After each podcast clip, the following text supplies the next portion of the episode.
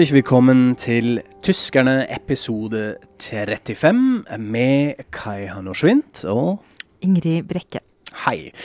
I dag skal vi snakke om den politiske situasjonen i Tyskland, som er, ja, hvordan sier man det, litt diplomatisk, dramatisk kanskje, eller litt mye i hvert fall. Ja, litt mye. Eh, For alle involverte, for de som står midt oppi det, og de som uh, følger med. Det skal vi snakke om, og så skal vi snakke om et fiendtlig ord i vår uh, ordspalte etter hvert. Tja, Ingrid. Husker du når vi i fjor hadde en podkast som jeg tror den het 'Tyskland går under', eller 'Nå går Tyskland under', eller sånn. Da hadde Tyskland nettopp tapt, eller kom, kom, kommet ut av uh, fotball-VM, og det var stor eh, koalisjonskrangel, og eh, Merkel eh, begynte å forsvinne og så videre, så det var mye drama da, og da tenkte vi går det egentlig litt lavere. Nå vil jeg si kanskje vi har gått enda mer under. Det, enda mer ned. Det er skikkelig krise på tvers av partiene osv. Uh, hva har skjedd? Vil du prøve å gi oss en liten sånn gesamteindruck? gesamteindrukk? Hva Ja. greier? Ja, nei, det er jo noe med det at den politiske situasjonen har gått Altså Tyskland har gått mer under nå enn, den hadde, enn det gjorde da vi lagde den episoden. Men på den annen side så tror jeg at uh, eh, det har vært så enorme endringer i det politiske landskapet over eh, de siste vet ikke, to, tre, fire årene. At eh, nå har man på en måte vent seg til det. Sånn at den undergangsstemningen er ikke den samme. Det er mer en slags sånn eh, resignert observasjon av de, de eh, kjempestore eh, forandringene, og man sitter bare, mest bare og lurer på hva i all verden kommer nå. Og Det som nå skjedde sist, var jo det at man har hatt et EU-valg. Og der eh, gjorde CDO, altså regjeringspartiet Merkels parti, eh, et helt eh, elendig valg. De Grønne gjorde et kjempebra valg, eh, fikk over 20 Og Sosialdemokratene eh, gjorde også et veldig dårlig valg. Og så etter det har det kommet nye meningsmålinger. Og der har jo De Grønne blitt det største partiet i flere målinger. Men CDO har nådd ny bånd på 25% Og Sosialdemokratene har gått helt ned på 12 Ja. Så det er liksom Alt er blitt eh, annerledes. Og det er jo kanskje også det som vi egentlig ser i et sånn mer helhetlig blikk når vi bare snakker om politikk, nemlig at vi ser at de folkepartiene, disse folkspartiene, eh, fragmenteres mer og mer. At disse store, gamle blokkene som man er så vant til, ikke fungerer lenger. Ikke bare i Tyskland, men kanskje generelt, også i hele Europa. Men at man altså derfor får også denne undergangsstemningen som egentlig er blitt litt vanlig. Fordi Ja, vi pleier ja. å snakke veldig mye om hvor dårlig disse store, etablerte partiene gjør det. Ja. Men vi må kanskje se litt nærmere på de enkle partiene. Nå går vi litt sånn all in i denne krisen. Hvem skal vi begynne med? Skal vi begynne med SPD, da? ja, vi gjør det. De har det verst. Ja. ja, OK, da begynner vi med dem. Hva har skjedd der? Da var det mye krangling i det siste, føles det.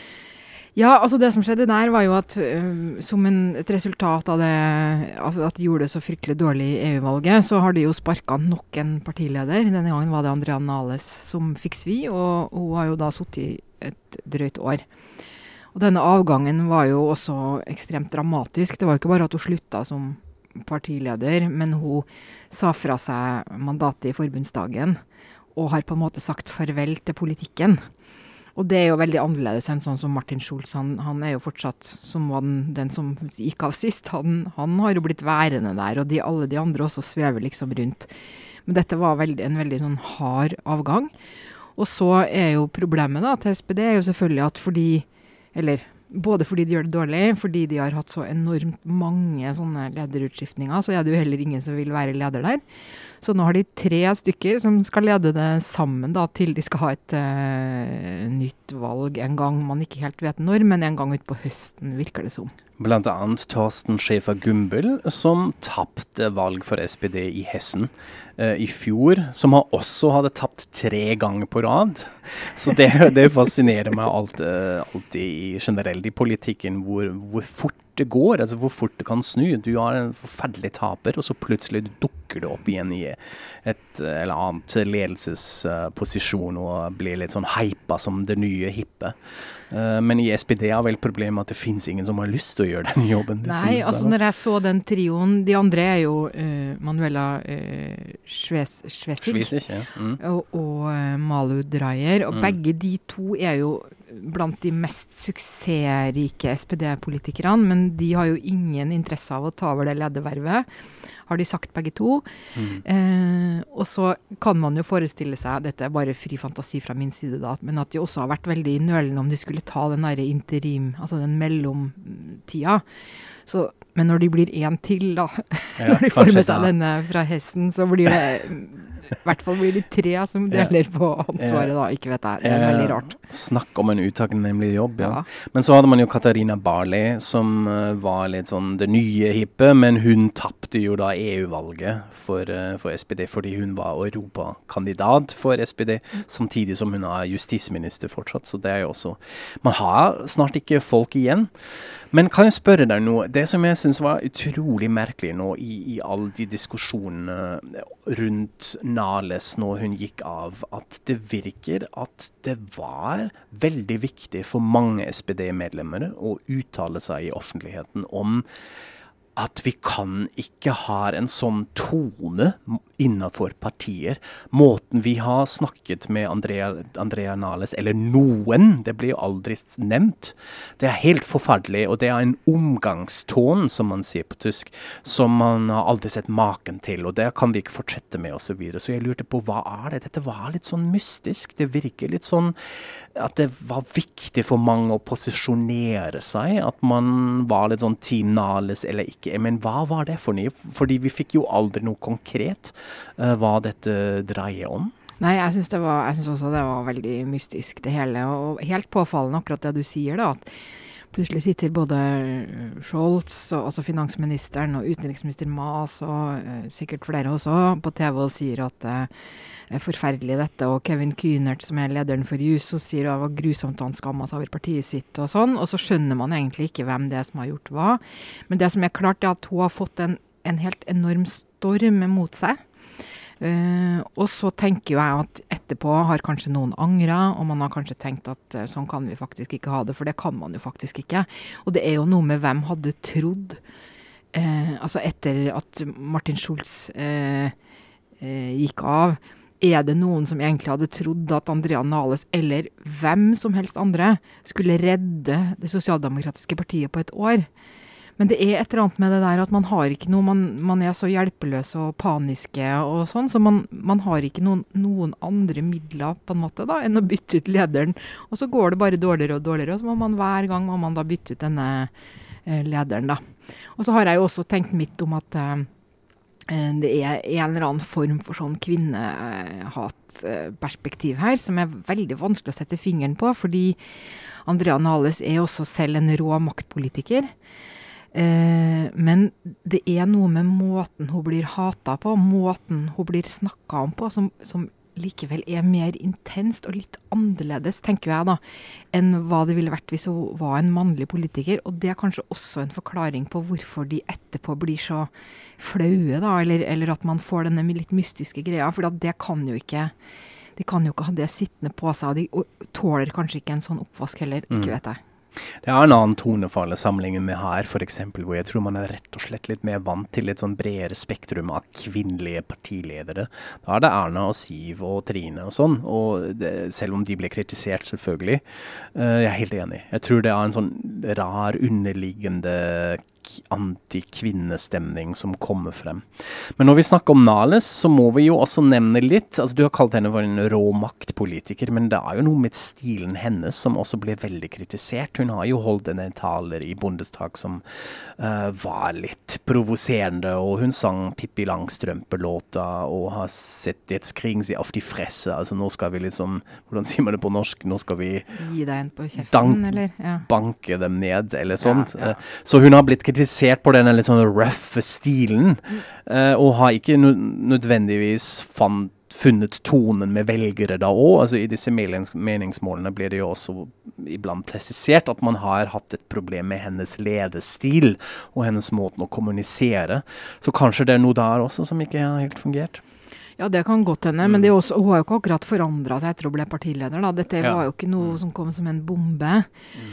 Eh, og man kan jo tenke seg at når noen først Det var jo ikke så mange som hadde lyst på det vervet i forrige runde heller. ja. Sånn at Ja, man, eh, man, må på en måte Eller det er jo lett å si, men dette er jo Jeg tenker alt dette er bare sånn Det er sånn panikktegn. De vet ikke hva de skal gjøre. De er helt forvirra. Skal vi snakke om noen som ikke har panikk, nemlig Grønnpartiet. Ja. Eh, med dem går det jo kjempebra i alle meningsmålene og resultatene. Hva er det de har gjort så bra? Hvorfor fungerer det for Grønnpartiet?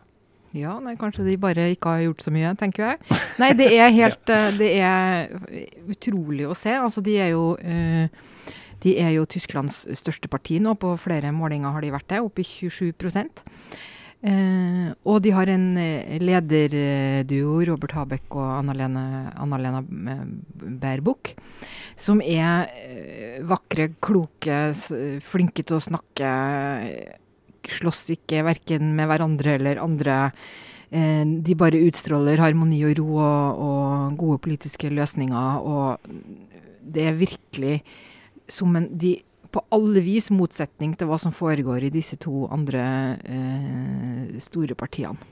Ja, så har de kanskje også bare vært flinkere å skyle alle disse konfliktene som var inne i, i, partiet akkurat nå. Bare kose seg med ja ja, vi skal lene oss litt tilbake og se på hva de andre gjør.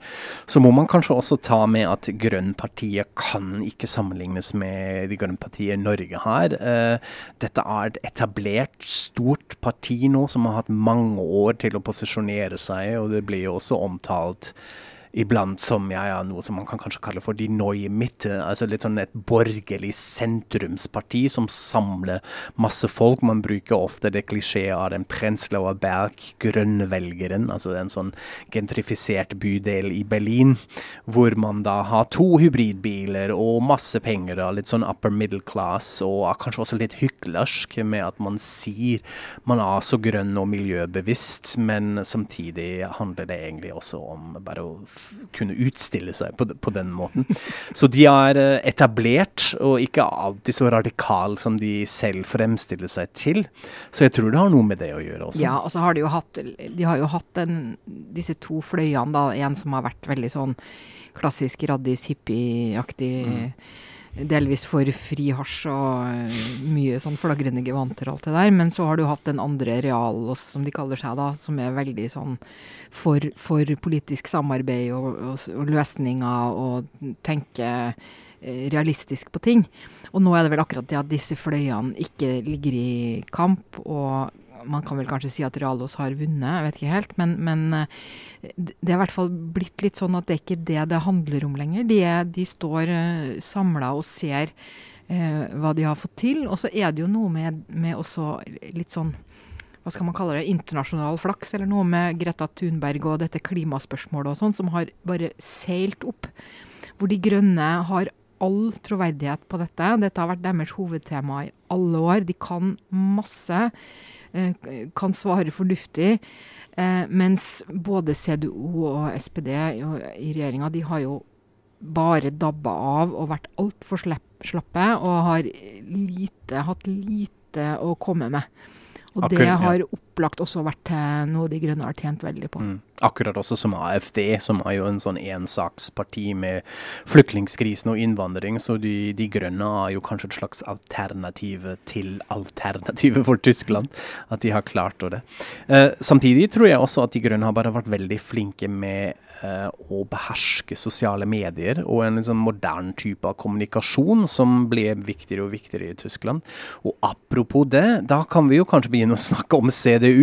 Fordi hvis det er et parti som ikke behersker sosiale medier og denne type kommunikasjon, så er det vel dem? Eller hvordan skal, hva, skal vi, hva slags knagg skal vi henge opp CDU-krisen på? Nei, det har jo det er jo helt utrolig å se altså, hvordan de nå eh, ser ut til å være i ferd med å rykke inn i en, nesten en panikktilstand som ligner på det vi har sett hos eh, sosialdemokratene.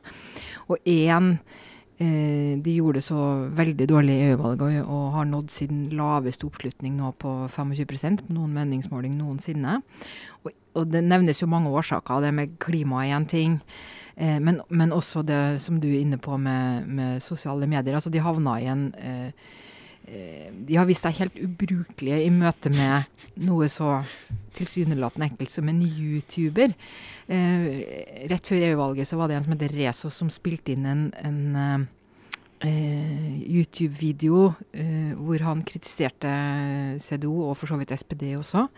Og som partiet ikke klarte å takle i det hele tatt. Hvor de bare eh, Først så prøvde de å spille inn en svarvideo eh, som de så la på hylla, og så la de ut elleve siders PDF.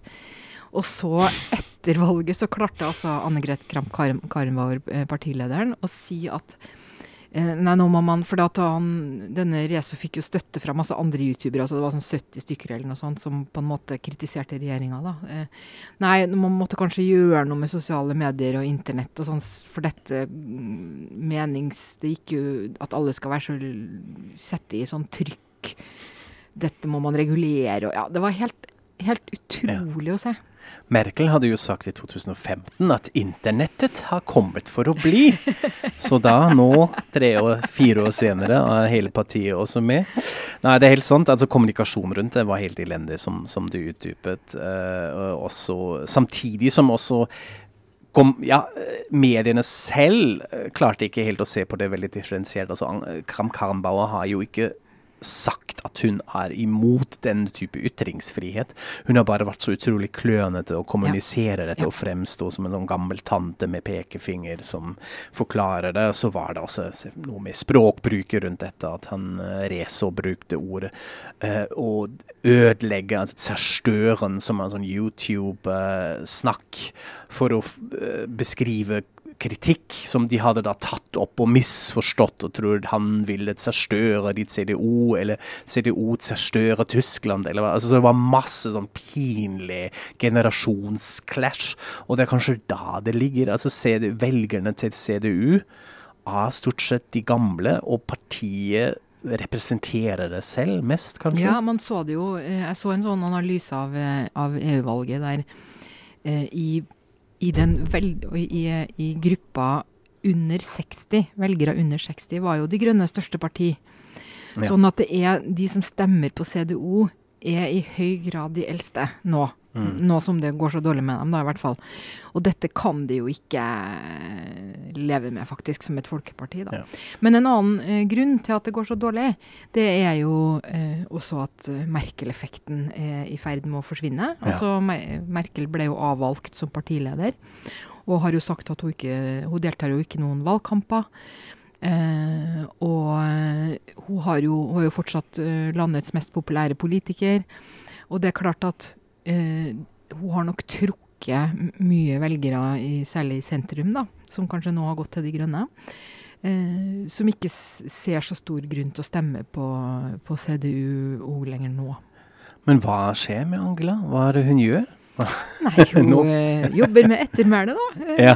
Mm. Svever rundt. Og nå har hun vært uh, Holde taler i Harvard. Ja, har vært mm. i Harvard og blitt utnevnt til æresdoktor og holdt en tale mot Trump hvor hun ikke nevnte Trump i det hele tatt, og ble hylla av det liberale USA. Jeg så en nydelig vitsetegning av henne hvor hun eh, kom hjem til sin mann, og de skulle legge seg om kvelden, og han sier sånn du, 'Nå kan du vel ta av deg den røde kappa?' Nei, det kan du ikke.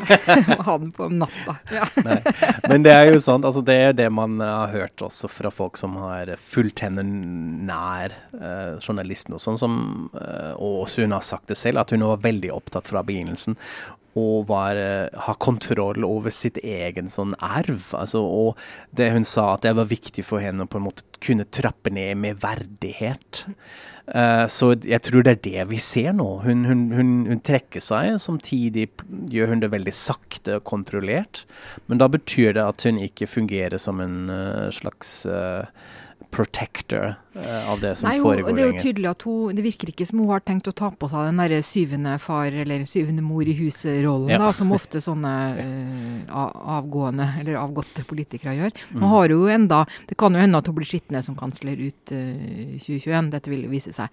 Men, men det, opp, opplagt i sånn dag-til-dag partiarbeid og sånn, det engasjerer hun seg veldig lite i nå. Og hun gir AKK, altså nye partilederen, stort spillerom. Og det kan man jo enten tolke som en slags sjenerøsitet i det at hun må lære seg å hun gjør feil, og det er ingen som er født som kansler, ikke sant. Altså alle må lære seg dette, eh, og hun trenger å gjøre de erfaringene. Eller det kan tolkes mer som sånn en enorm lettelse over å, å, ha sagt fra seg partiledervervet i tide, og, mm. og, nå eh, vil på en måte historien om CDOs nedgang, virkelige nedgang eller undergang, eller hvor langt det nå skal gå, ikke tilhøre Merkels historie, på en måte. da. Mm, ja, det er det.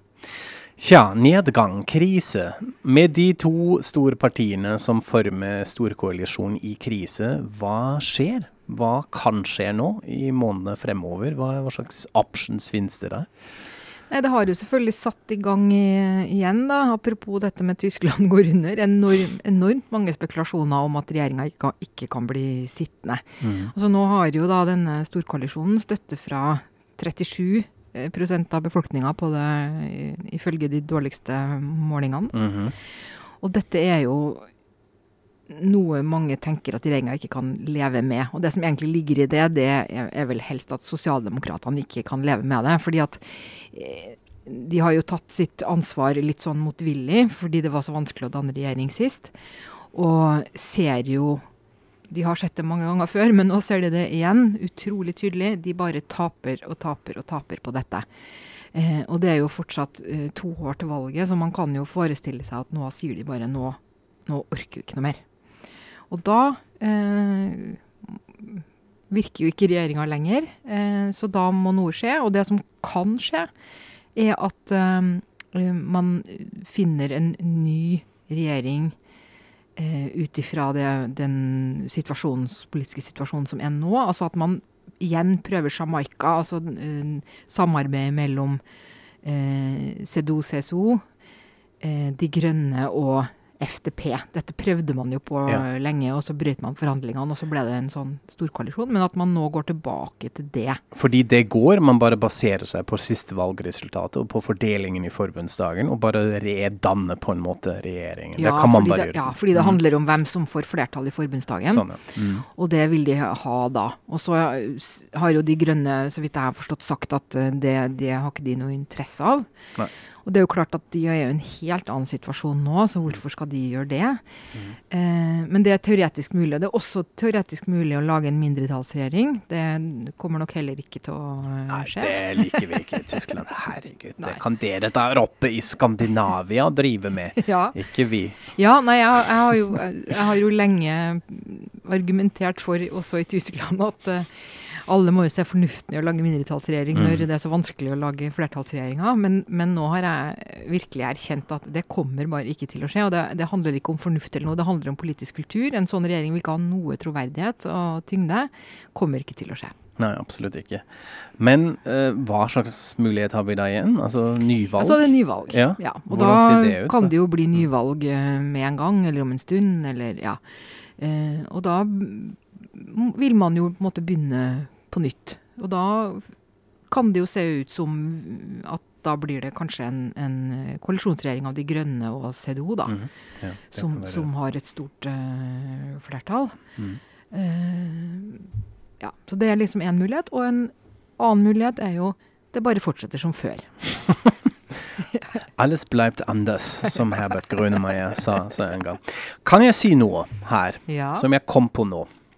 Jeg tror stor koalisjon går i stykker i løpet av sommeren. Tror du? Jeg har en, en, en magefølelse at det kommer til å skje.